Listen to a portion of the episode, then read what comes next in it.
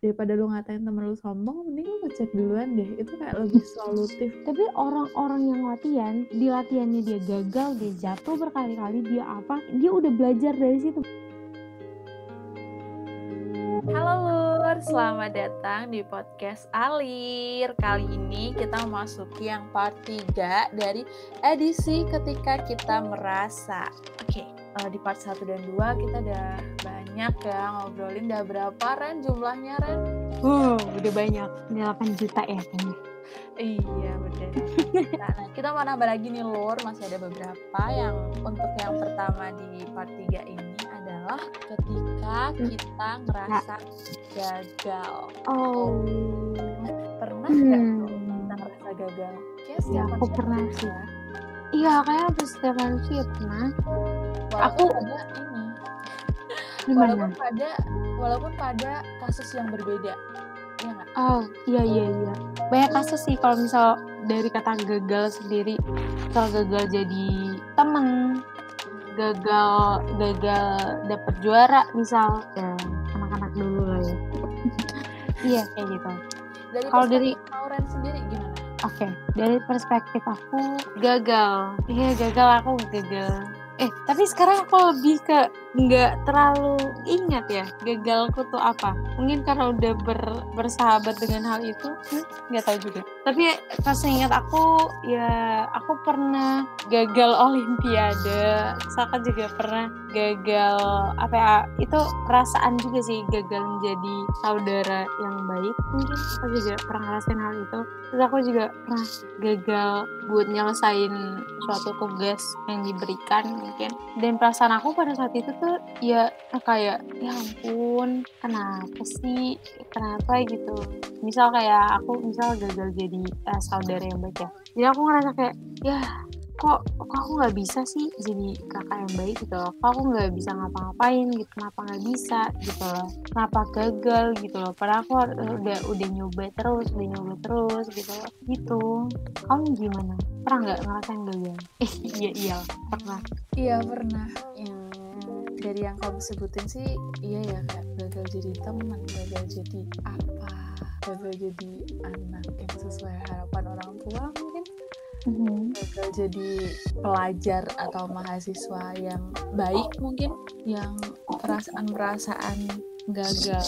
Dan ketika aku ngerasa gagal ya kalau aku tuh aku pernah denger ini lebih baik kamu udah mencoba tapi gagal daripada kamu tuh belum mencoba sama sekali. Karena ka- kalau kamu buat mencoba aja nggak berani itu sebenarnya kegagalan sih. Hmm. kamu udah berani mencoba yang entah hasilnya gimana itu sebuah hal yang baik menurut aku berani mencobanya itu. Dan baik lagi ketika aku ngerasa gagal apa ya yang aku rasain tuh kayak aduh yang aku rasain pertama adalah sedih. Yang aku lakuin adalah gimana ya biar besok nggak gagal. Tapi kadang itu juga cuman saat itu doang gitu loh. Setelah itu juga udah lupa lagi. Tapi ya tergantung kita sih kayak kita tuh mandang kegagalan itu sebagai apa sih? Hmm. kalau aku jujur aku memandang kegagalan itu adalah sebagai batu loncatan. Karena entah kenapa aku mempercayai banget kata-kata motivator waktu aku ikut pelatihan dulu ya pas zamannya SMA tuh aku pernah ikut pelatihan apa ya namanya sukses di usia muda gitu dari Syafi Effendi gitu. Eh, dia tuh bilang eh, orang tuh ada jatah gagalnya sendiri-sendiri. Karena aku denger dari mana ya pokoknya dari entah dari siapa tapi ini terpatri banget di otak aku. Orang tuh ada jatah gagalnya. Jadi secepat itu kamu menghabiskan jatah gagalmu maka keberhasilan akan datang. Ya ibarat Mhm. kata nih jatah gagalmu tuh 10 kali. Nah yang ke 11 tuh ya berhasil lah katakanlah. Kamu udah udah lima kali gagal kamu nggak nyerah. Kamu enam kali nggak nyerah sembilan kali nggak nyerah ke 10 nggak nyerah ke 11 nya baru berhasil. Karena kamu udah udah ngehabisin jatah gagal 10 kali itu ya kasarannya kayak gitu sih. Dan ini gak sih ketika kita memandang kegagalan itu apa dan itu akan menuntun kita untuk bersikap seperti apa. Mhm. jadi harus pintar-pintar mengemas arti kegagalan itu dan memberi arti pada kegagalan itu sih. Gimana Ren? Iya iya benar-benar dan itu juga sih kalau misal kita udah nyoba dan kita gagal kita tahu gitu loh apa kekurangan kita. Kalau misal kita nggak nyoba sama sekali dan kita kayak cuma ber berhalusinasi tentang kesempurnaan yang bakal kita dapetin ya kita nggak nggak nggak bisa nggak bisa maju nggak bisa meningkat gitu loh itu kalau misal udah gagal oh oke okay, berarti kesalahannya di sini kesalahannya di sini gitu. Berarti ke depannya aku harus kayak kayak gini biar biar nggak ngulangin lagi gitu loh. Dan ya itu kayak maybe definisi gagal sebagai batu loncatan kayaknya tapi kebanyakan orang juga gagalnya itu sampai kayak ya udahlah aku gagal di sini. Aku ya udah berarti aku nggak bisa di sini. Nah itu tuh yang harus dihati-hatiin. Maksudnya jangan sampai kayak gitu gitu loh. Kalau misalnya kita gagal di situ ya bukan berarti kita nggak cocok di situ. Mungkin ada keadaan di mana oh berarti emang nggak cocok aja udah. Tapi ada juga yang kayak sebenarnya cocok cuma kurang waktunya aja. Kan ada aturan gitu kan.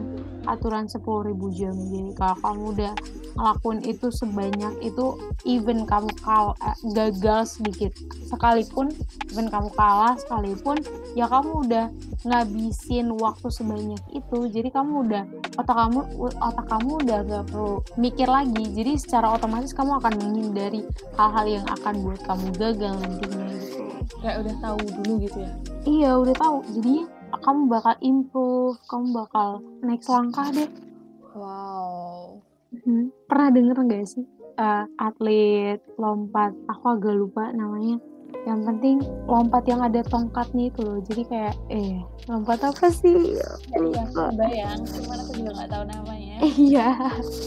Aduh I'm so sorry. Mohon maaf teman-teman aku nggak tahu namanya. Yang penting atlet lompat tinggi tapi dia pakai tongkat gitu. Nah itu tuh bayangin mereka menghabiskan banyak waktu. Nggak bisa apa bertahan di tongkatnya atau tongkatnya patah atau dia jatuh dari tongkatnya. Itu mereka menghabiskan banyak waktu buat punya pengalaman di hal itu. Maksudnya ya kayak kalau kalau kamu belum pernah tongkatmu belum pernah patah karena uh, kamu nyoba kamu nggak nggak tahu gimana cara berpegang di tongkat biar pada saat kamu lompat itu dia nggak patah.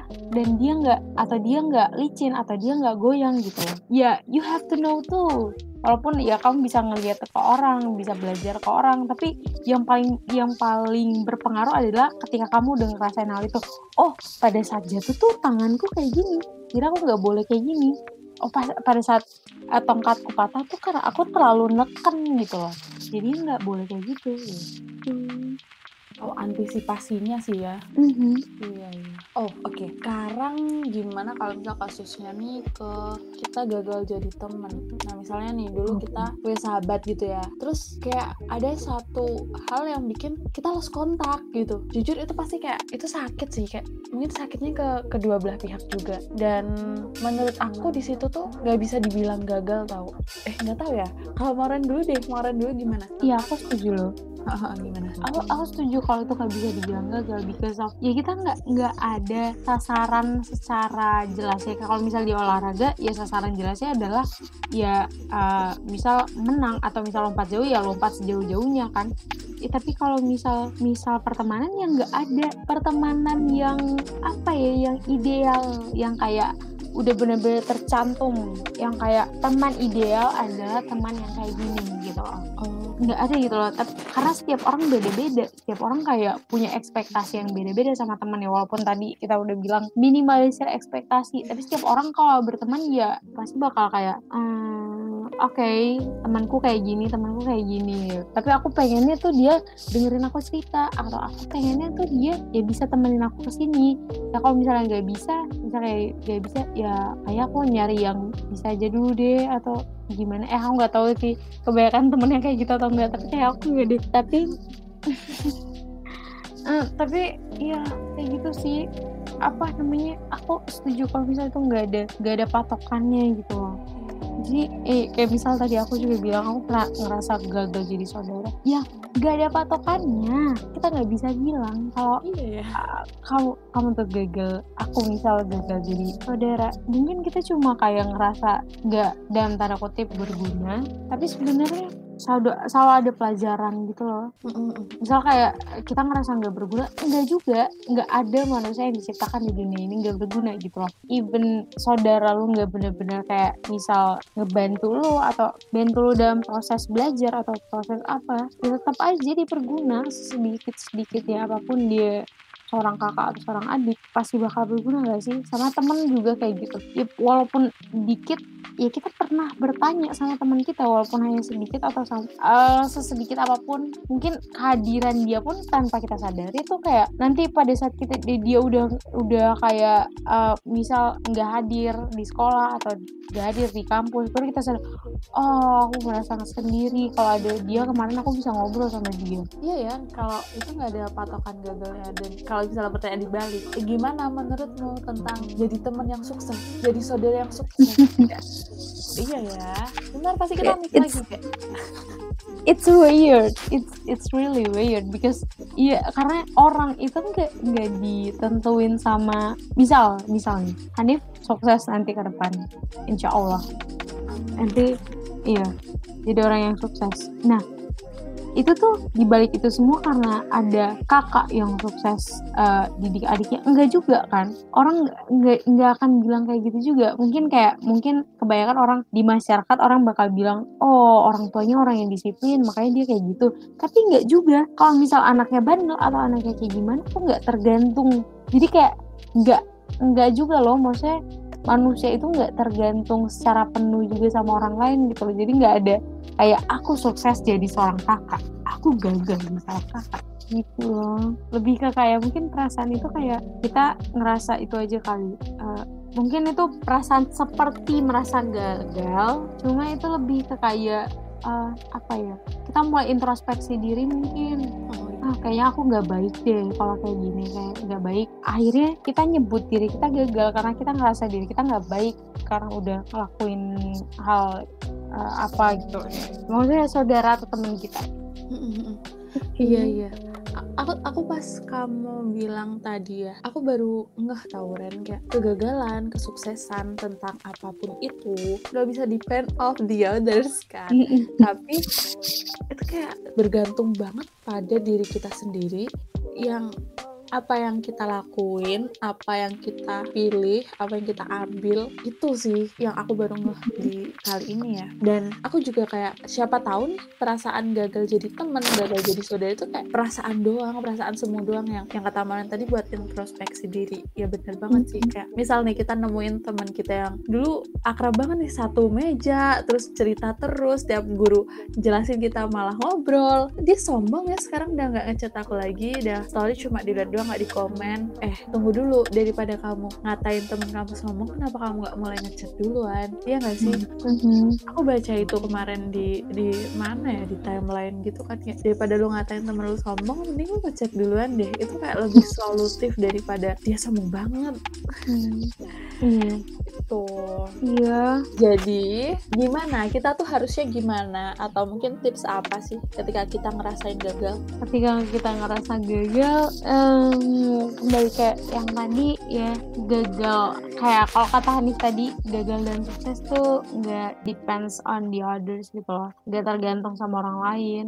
Dan kalau misal pun ada hal-hal yang kayak emang kayak tertera gitu loh. Gagal gagal. Kayak misal kalah dari suatu ya rasa gagal ya mungkin itu bisa dikatain gagal ya. Tapi hal yang tips yang bagus adalah berpikir bahwa itu satu jalan menuju sukses kamu juga. Eh, gagal sekali ya berarti itu kamu maju gitu loh. Ya kamu tahu gitu loh apa yang udah kamu lakuin. Maksudnya ya kayak daripada kamu diam berdiam diri doang gak ngelakuin apa-apa ya kamu cuma memikirkan apa yang sesuatu yang perfect gitu loh.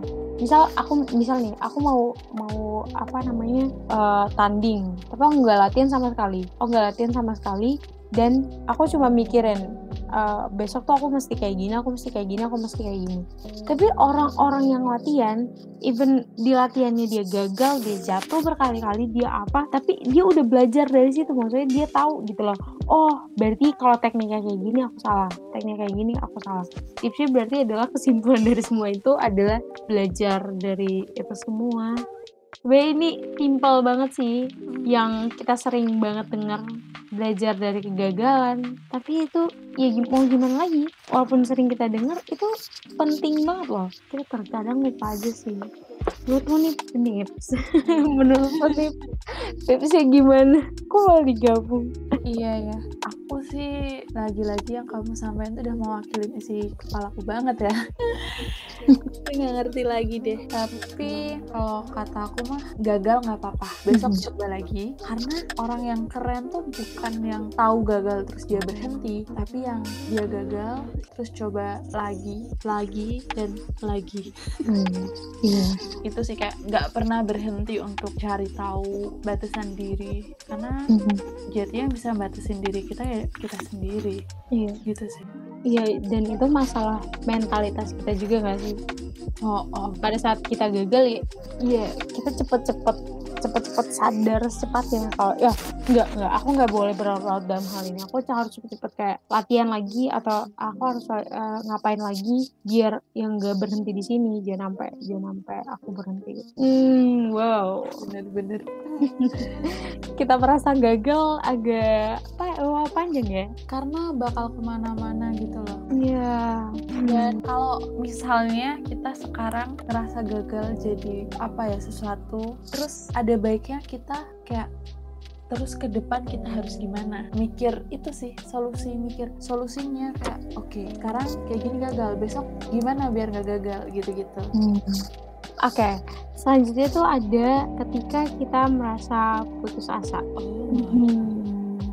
Putus asa tuh berarti ini ya udah nyoba tapi belum sampai garis finish tapi udah putus asa gitu nyerah gitu Iya, udah nyerah duluan. Hmm. Gitu. Pernah nggak nih kayak gitu? mungkin hampir ya tapi kayaknya yang putus asa belum hmm, pernah nggak ya nggak inget sih nggak inget tapi kayaknya kayak hampir putus asa misal nih ya misal pas pas pas ngerasain aja deh dunia perkuliahan berat amat pengen udahan aja deh gitu kan. Tapi biasanya balik lagi gitu loh kayak halo kamu udah milih ini ini konsekuensinya. Hmm. ya udah kayak oke terima dan jalanin lagi pelan pelan gitu sih. Emang kamu pernah ya Hmm. putus asa Ya aku nggak tahu ya. Aku nggak yang eh, pemikiran orang pasti tentang putus asa pasti yang kayak eh aku udah berusaha keras dan tiba-tiba semua ini nggak ada artinya kayaknya. Udah aku putus asa.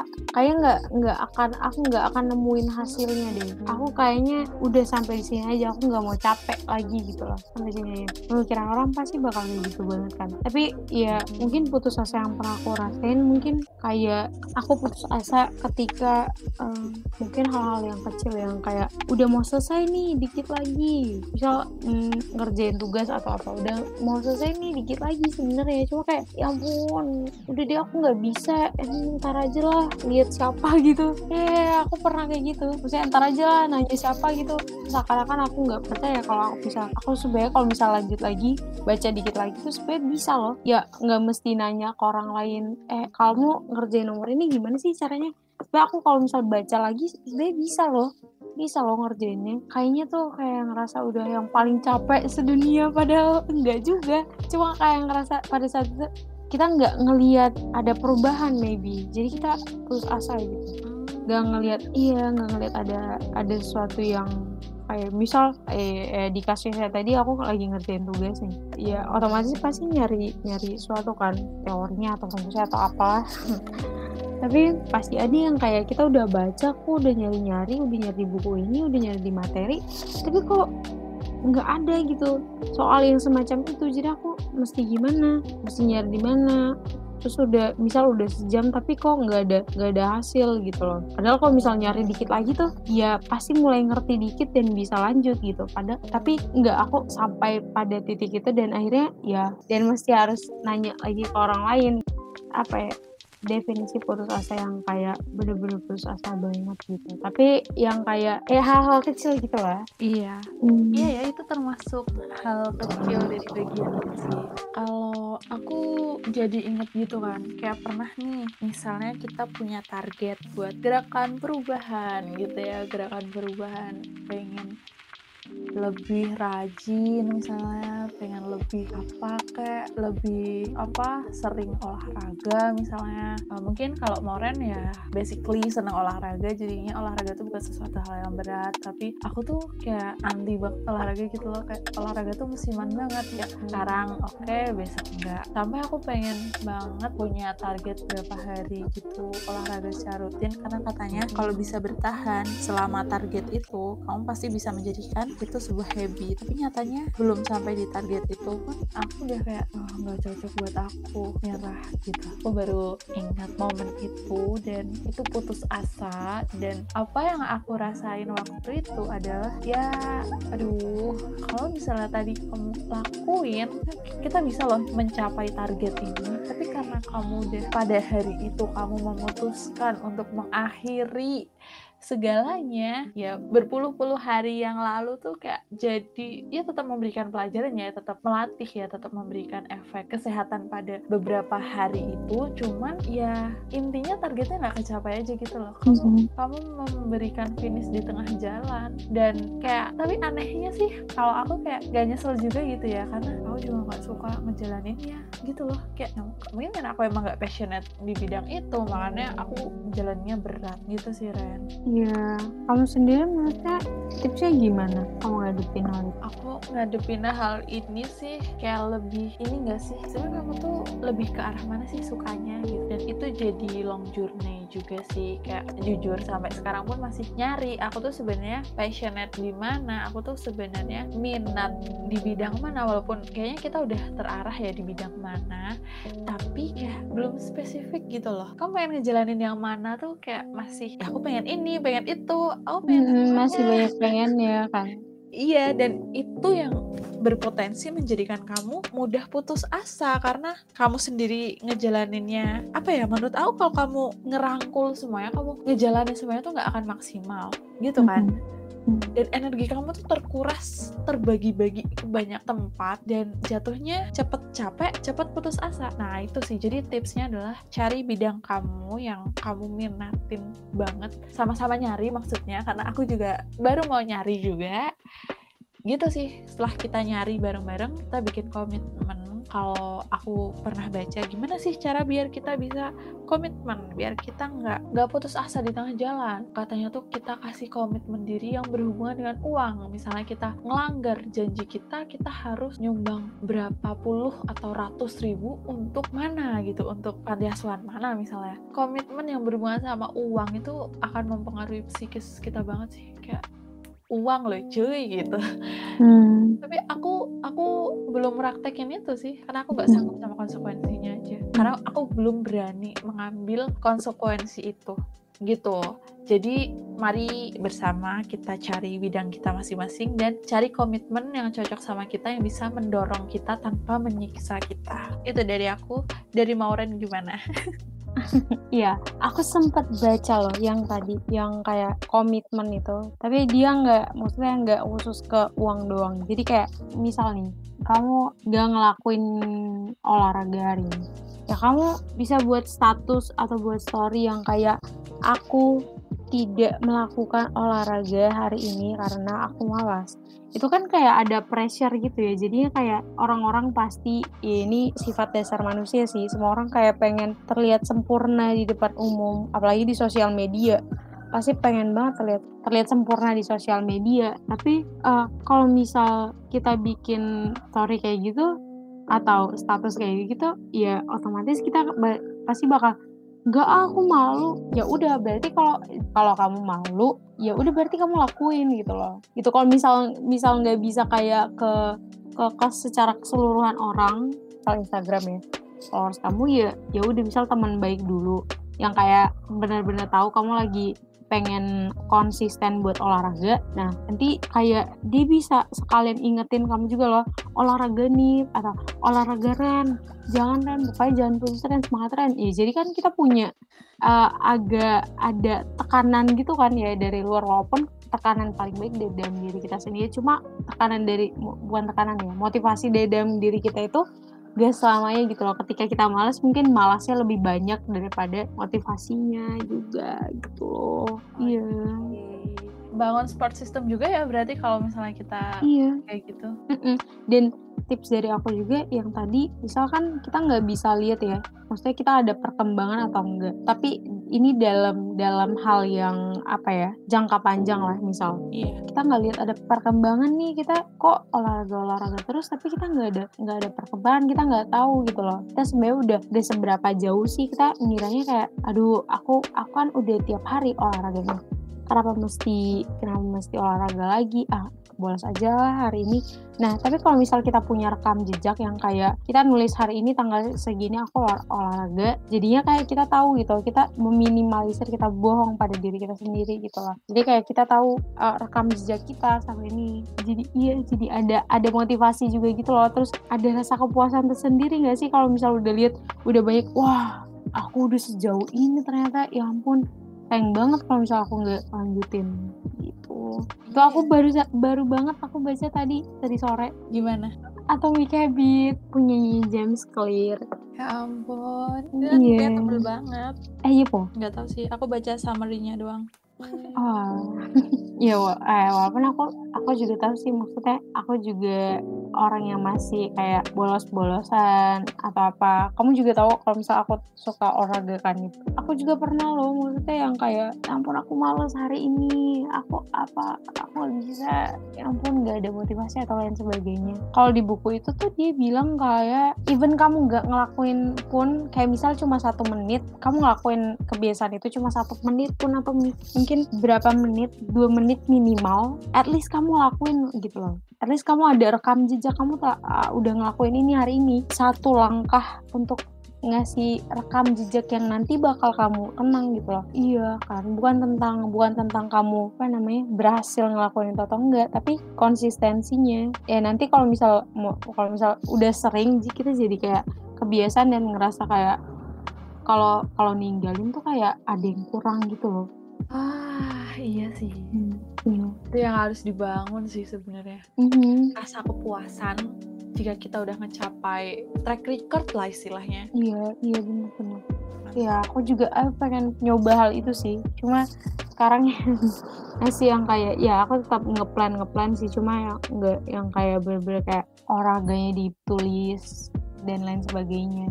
Kalau misal hal yang kayak kayaknya bisa spontan ya, ya aku spontan. Kalau enggak ya baru gitu gitu. Gitu. Wow. Putus asa nyampenya ke itu ya. Iya. Oke. Ah, sekarang nih, ketika kita merasa semangat, semangat di sini tuh kayak tiba-tiba hari ini kita semangat banget gitu kayak punya Iya. energi yang berlimpah gitu. Mau ren deh, gimana kamu? Iya, ya aku pernah kayak gitu. Dan eh aku balik lagi pengen nyeritain hal ini. Ya aku kan tipe orang yang kayak kalau misalnya semangat itu aku pengen ngelakuin semua hal karena eh, aku tipe orang yang kayak aku belum bisa bilang kalau aku tuh gak bisa kalau misal aku belum nyoba. Jadi kayak jadinya banyak hal yang pengen dicoba dan ngerasa aku sebenarnya kalau misal ngulang-ngulang hal ini aku misalnya latihan aku pasti bakal bisa kok aku pasti bakal bakal bagus juga cuma ya itu jadinya banyak hal yang pengen dilakuin dan pada saat semangat itu pada saat aku lagi semangat itu jadinya malah nggak ada yang dilakuin sama sekali karena terlalu banyak di dalam pikiran aku yang jadinya kayak aku mau ngelakuin yang mana dulu ya? Yang ini dulu kah? Yang ini dulu kah? Gitu loh.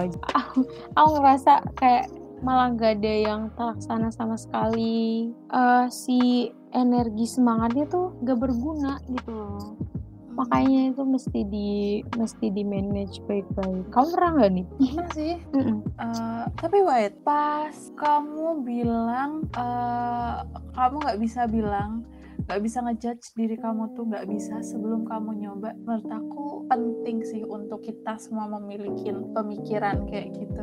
Hmm, penting sih karena ada bisa aja kita bilang "Aduh, sorry ya aku nggak bisa. Padahal belum dicoba. Iya. ya kan? Kayak gitu. Kayak balik ke aku ke, eh, merasakan semangat gitu ya. Yang ketika aku ngerasa semangat overpower sangat-sangat berenergi yang aku lakuin yang aku rasain di situ adalah perasaan hati-hati. Karena aku tuh nggak tahu ya kalau kita lihat gelombang ya gelombang sinusoidal gitu ya setelah Mhm. puncak itu pasti akan turun ya nggak? Iya pasti akan turun. Udah puncak nggak mungkin naik lagi karena itu udah puncak udah batas atas. Mhm. itu pasti akan turun. Dan ketika aku ngerasa semangat banget waduh gue semangat banget hari ini. Takut nih kalau besok ngedown. Gitu. Entah itu kayak kepikir kayak gitu. Dan ketika aku ngerasa semangat banget itu biasanya eh, aku akan nulis apa yang aku inginin saat itu karena biasanya ketika semangat itu kan sama kayak kamu pengen apa aja gitu aku list biar kelihatan gitu loh dan gimana ya ngelakuinnya ya walaupun pada akhirnya hari besoknya karena udah tahu nih besok pasti turun jadi Mhm. lupa gitu tapi pas gimana ya pas semangat itu tuh kayak jangan sampai kebuang gitu loh. diabadikan rasa semangatnya itu kalau aku dalam bentuk tulisan apa dulur-dulur sekalian bisa bentuk lain juga nggak apa-apa. Yang mana ketika kita lihat itu benda itu tulisan itu atau gambaran itu semangat kita tuh bisa kepantik lagi gitu loh. Yang aku jaga sih itu ya. Kayak kita lagi loyo nih kita baca lagi itu. Ya walaupun nggak bisa Hmm. kayak pas loyo ya pasti pengennya ya males-malesan. Nggak mungkin kita nyempetin baca biar semangat tuh kayaknya jarang sih orang kayak gitu.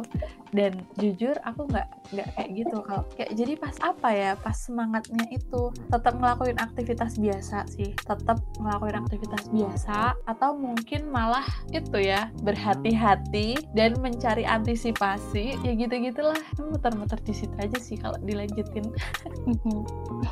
Iya, eh, dan kalau masalah semangat juga ya. Kalau aku sih biasanya yang biasanya aku lakuin misal aku lagi semangat adalah aku buat apa ya jadwal gitu loh. Hmm, Aku buat jadwal, tapi pertamanya juga aku bakal ngelis sih kayak kamu nih. Ya apa yang kira-kira bakal aku lakuin. Kalau misal itu kayaknya nggak bisa aku lakuin hari ini semuanya, ya udah aku jadwalin ke depan. Berarti kalau misal aku nggak bisa lakuin hari ini, ya aku jadwalin untuk ke depan kapan gitu. Walaupun ya masih ada kemungkinan bahwa ke depan juga misal aku malas, aku bakal ngelewatin hal itu. Tapi kalau misalnya dijadwalin kan kita lebih tahu gitu loh. Kalau misalnya dijadwalin kayak, oh oke walaupun kita lewat sejam atau lewat sehari, tapi kayak udah dijadwalin gitu. Jadi kayak aku merasa kalau itu harus aku lakuin gitu jadinya. Dan itu juga kalau di buku ya aku balik, balik lagi ya, aku di buku Atomic Habit yang kemarin yang aku baca itu tuh dia juga bilang kalau misal lagi dalam keadaan semangat, kamu bisa misal pengen olahraga, ya udah buat janji, buat janji buat olahraga bareng temen. Dan kita kan kayak walaupun kita malas tapi kita lebih takut buat kecewain temen kita kalau misal kita udah janjian padahal nggak jadi. Nah jadinya ya kita tetap pergi walaupun dalam keadaan kayak ah lagi males walaupun gitu kan lagi dalam keadaan males tapi karena kita bareng temen pasti ekspektasi kita juga eh bicara ekspektasi pasti kita lagi lebih kayak kerasa oh aku ada temen pasti bakal seru sih. Terus kalau misal aku ada temen juga ya aku takut ngecewain temen aku gitu loh. Jadi aku aku tetap harus harus ngelakuin hal itu karena udah aku jadwalin dan aku bakal ketemu dia aku bakal ketemu temen aku gitu loh. Jadi walaupun nggak aku lakuin hari itu tapi hal yang pengen aku lakuin tetap bakal terlaksana ke depan gitu loh. Karena susah juga gak sih nih kamu pernah ngerasain nggak kayak susah juga kalau kita kepaksain diri kita buat apa namanya ngerjain semuanya?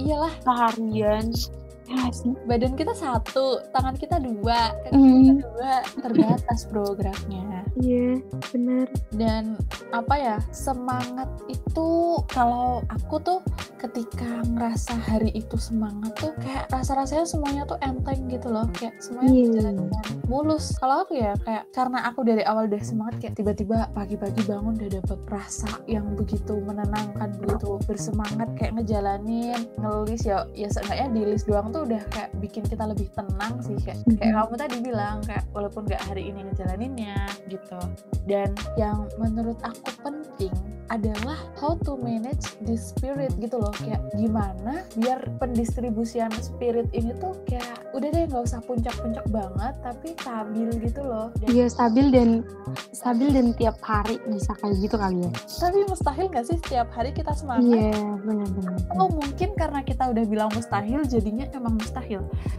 Gimana kalau kita mikirnya setiap hari semangat itu bisa? Ya nggak? Ah, iya kayaknya eh tapi kayaknya bisa sih itu kayak kayak mungkin psikologi juga sih. Kayak misal misal kita bangun tiap pagi tak uh, pada saat kita semangat tuh apa yang kita lakuin? Misal pada saat kita semangat kita tuh langsung bener-bener bangun pagi berdiri langsung ngambil air wudhu misal terus bilang oh oke okay, Bismillah hari ini aku lebih semangat. Misal tiap pagi kita ngelakuin hal itu. Even pada saat kita tahu kita ngerasa nih kita lagi malas tapi kita bilang kata-kata itu atau ngelakuin hal itu tiap pagi. Jadinya kayak ngerasa walaupun kita tahu kita lagi ngerasa malas tapi jadinya kayak kita tersugesti. Iya tersugesti. Tersugesti dengan dengan kata-kata itu. Iya jadinya malah, malah berubah. Malah atmosfernya kayak oke okay, oke okay, bisa oke okay. oh jadinya kayak gitu. Akhirnya iya.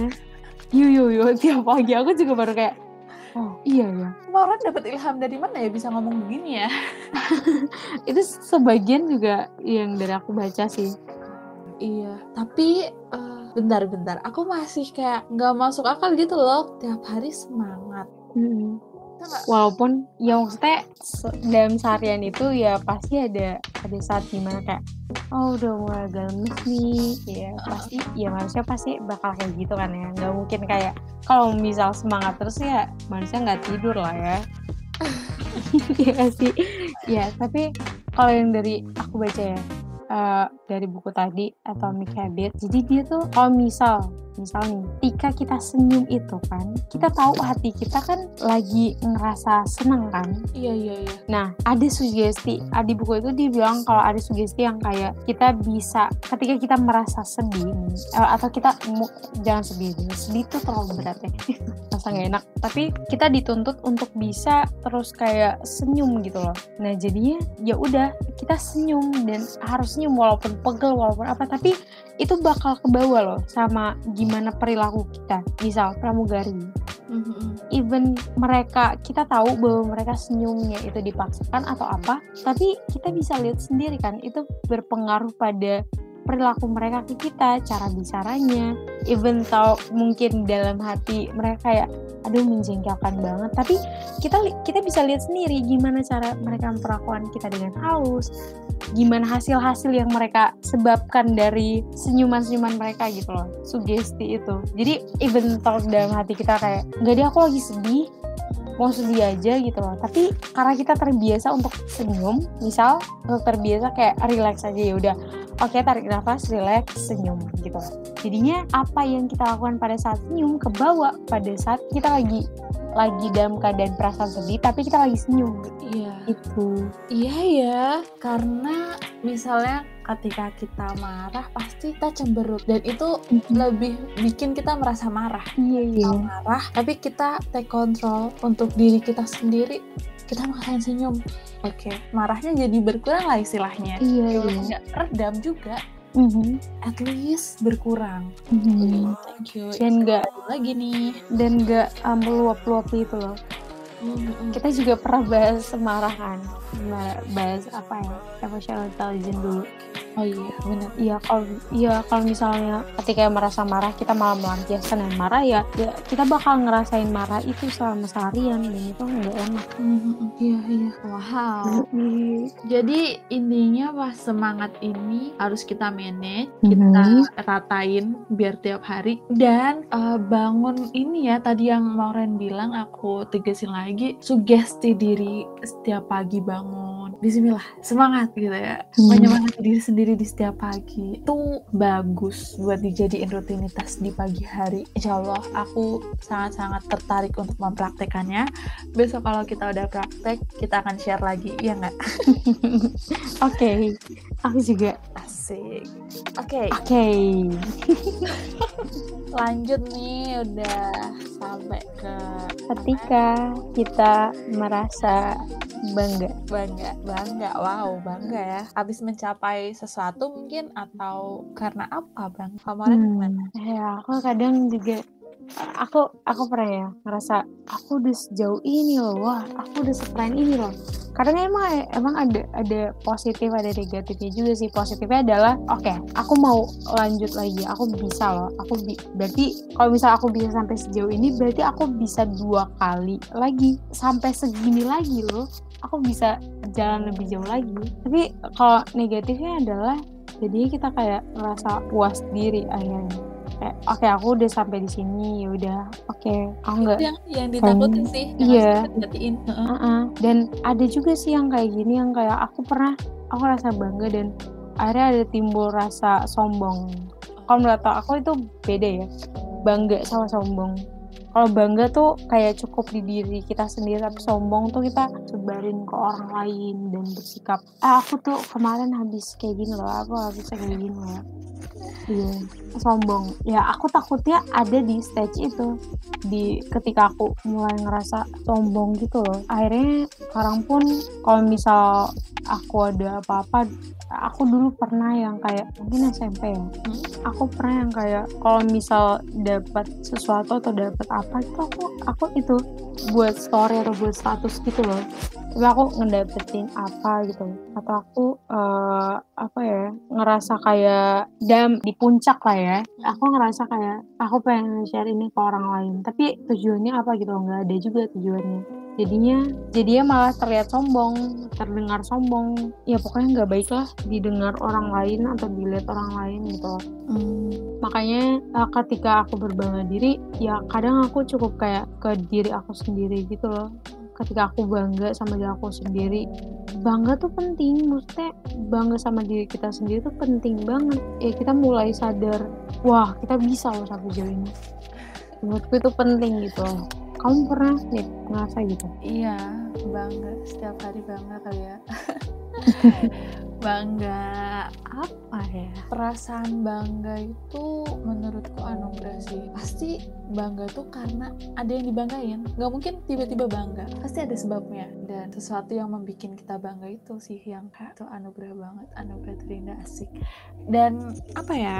Ketika aku ngerasa bangga tuh, aku juga takut, takut sampai bangganya bikin sombong. Aku takut itu juga. Harusnya kita menyampaikan poin yang beda, tapi kenapa sama it's terus ya? okay it's okay It's okay ya. Kalau misalnya aku bangga tuh kadang aku harus lebih banyak bersyukur lagi sih. Entah ya, itu tuh kayak udah ya mungkin ya baru akhir-akhir ini aku dapetin yang dulu-dulu aku kurang mensyukuri. Cuman untuk akhir-akhir ini tuh kayak kamu harus lebih mensyukuri lagi biar kamu bisa lebih berbangga lagi. Dan menurut aku tuh apa ya bangga tuh akibat kan. Kayak tadi kan bangga ada sebabnya dan bangga itu merupakan akibat dong itu sih aku aku misalnya bangga ya sama diri aku karena aku udah mencapai ini terus ketika aku bangga tuh aku ngapain gitu ya ketika aku bangga ya aku menyadari itu kayak oke gila. Kamu beberapa hari terakhir udah nyelesain ini loh nyelesain sesuatu ini loh gitu. Mengapresiasi diri gitu ya? Iya bangga nggak lepas dari mengapresiasi diri banget. Dan yang harus lebih disadarin lagi adalah balik lagi ke sebab bangga. Yang mana bisa aja itu ada di luar kendali kita yang tiba-tiba datang dan bisa bikin kita bangga. Jadi kayak apa ya? Kayak itu tuh ya anugerah gitu loh anugerah.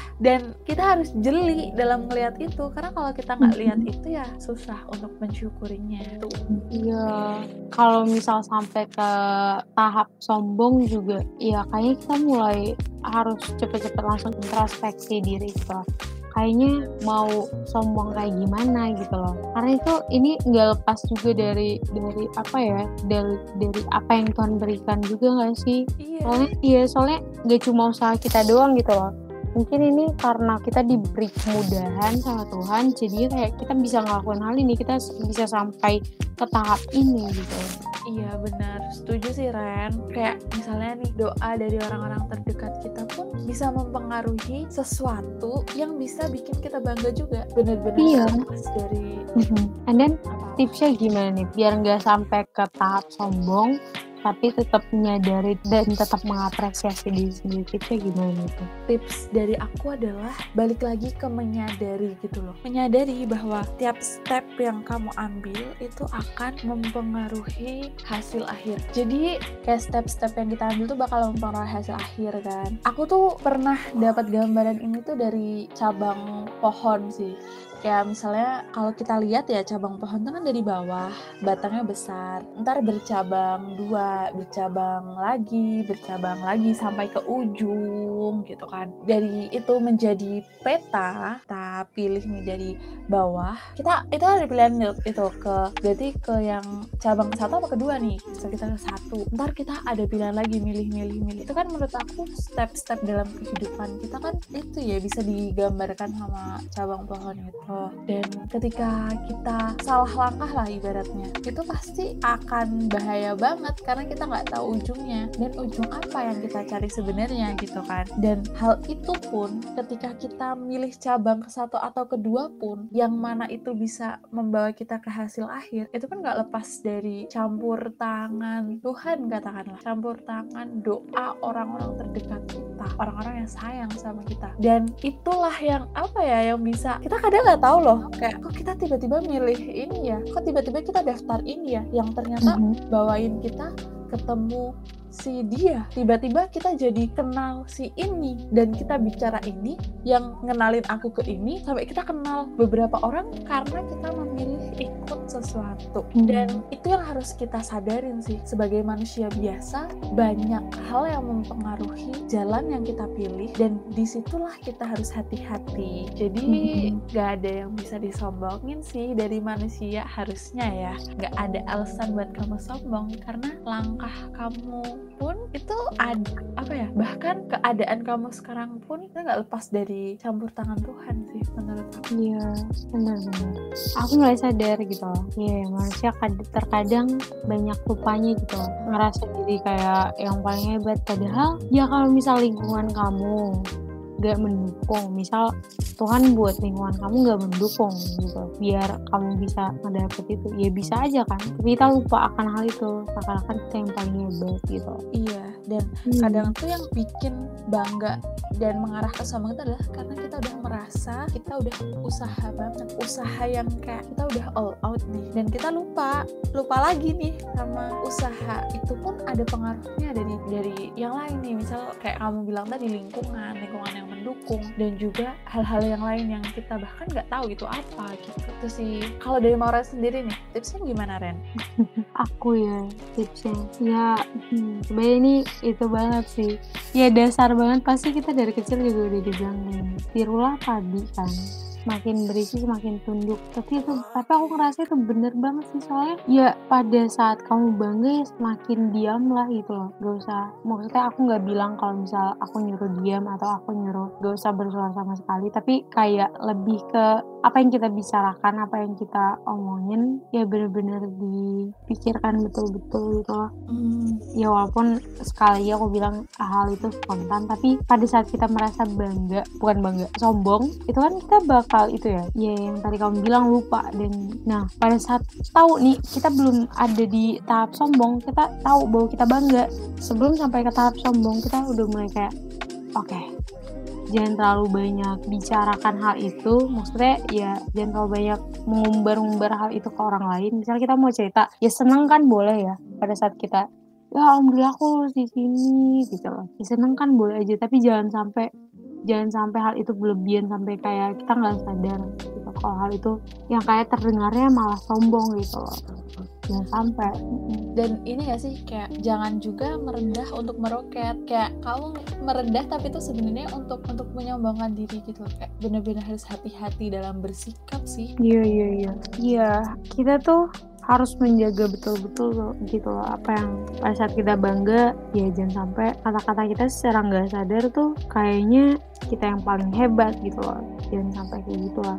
Alhamdulillah. Jangan sampai juga kayak mungkin kita kayak misal kadang nih udah udah udah sampai ke tahap ini udah belajar udah apa saya langsung tiba-tiba bilang ah, aku udah belajar loh aku belajar ini aku belajar ini aku belajar ini itu ke teman-teman kita. Ya pada akhirnya kayak mereka iya kayak apaan sih gitu. Iya.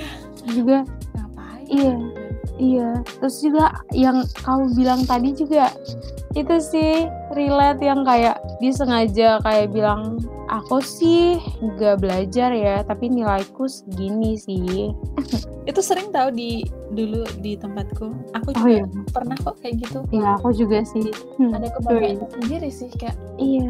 Gila dia nggak belajar aja lah segitu tapi aku baru sadar itu salah baru telah melewati masa itu. Iya, tapi tergantung juga cara ngomong kita sih. Maksudnya ada yang ngomong kayak gitu terus sama temen, tapi terdengar kayak ah lucu gitu loh. Tapi ada juga yang kayak emang nadanya sarkas dan kayak aduh kamu capek belajar, tapi aku enggak, tapi nilaiku lebih tinggi gitu ada yang kayak gitu kan. Beberapa. Hmm, wow. Udah panjang panjang nih. Ah, Oke, berhubung kita udah ada di part 3 nih, part terakhir. Ya, aja ya ya ke quotes. Yeay. Aku mau denger dong quotes dari Hanki. Oh, aku ya, oke oke. Dengerin baik-baik ya, Lur.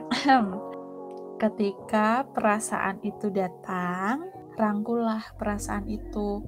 Dia nyata, tapi tetaplah merasa dengan hati dan akal. Gitu.